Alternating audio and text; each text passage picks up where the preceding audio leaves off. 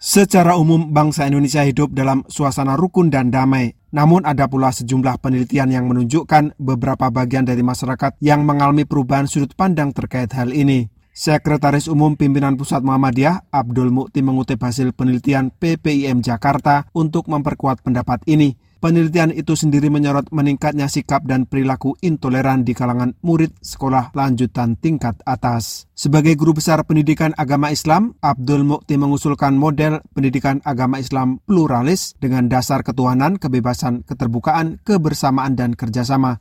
Murid yang berjiwa pluralis diharapkan dapat menjadi aktor dan pelopor dalam membangun kehidupan bermasyarakat dan berbangsa yang rukun dan damai di tengah pluralitas budaya, suku dan agama berdasarkan atas ajaran dan nilai-nilai pluralisme di dalam Islam. Paparan itu dia sampaikan dalam pidato pengukuhannya sebagai guru besar bidang ilmu pendidikan agama Islam di Universitas Negeri Syarif Hidayatullah Jakarta. Acara pada Rabu 2 September ini digelar secara sederhana dengan dihadiri sejumlah tokoh seperti mantan Wakil Presiden Yusuf Kala, Menko PMK Muhajir Effendi, dan Menteri Pendidikan dan Kebudayaan Nadiem Makarim. Untuk melaksanakan model pendidikan agama Islam pluralis, lanjut dia diperlukan pembaruan kebijakan, pendekatan pembelajaran kurikulum, dan evaluasi kebijakan penyelenggaraan pendidikan agama yang diatur dalam Peraturan Pemerintah 55 tahun 2007 dan Peraturan Menteri Agama nomor 16 tahun 2010 membatasi ruang lingkup pendidikan agama. Peraturan ini kata Mukti mengabaikan hak penganut agama minoritas seperti Bahai, Syekh, Yahudi, dan lainnya. Kedua aturan tersebut membutuhkan perubahan.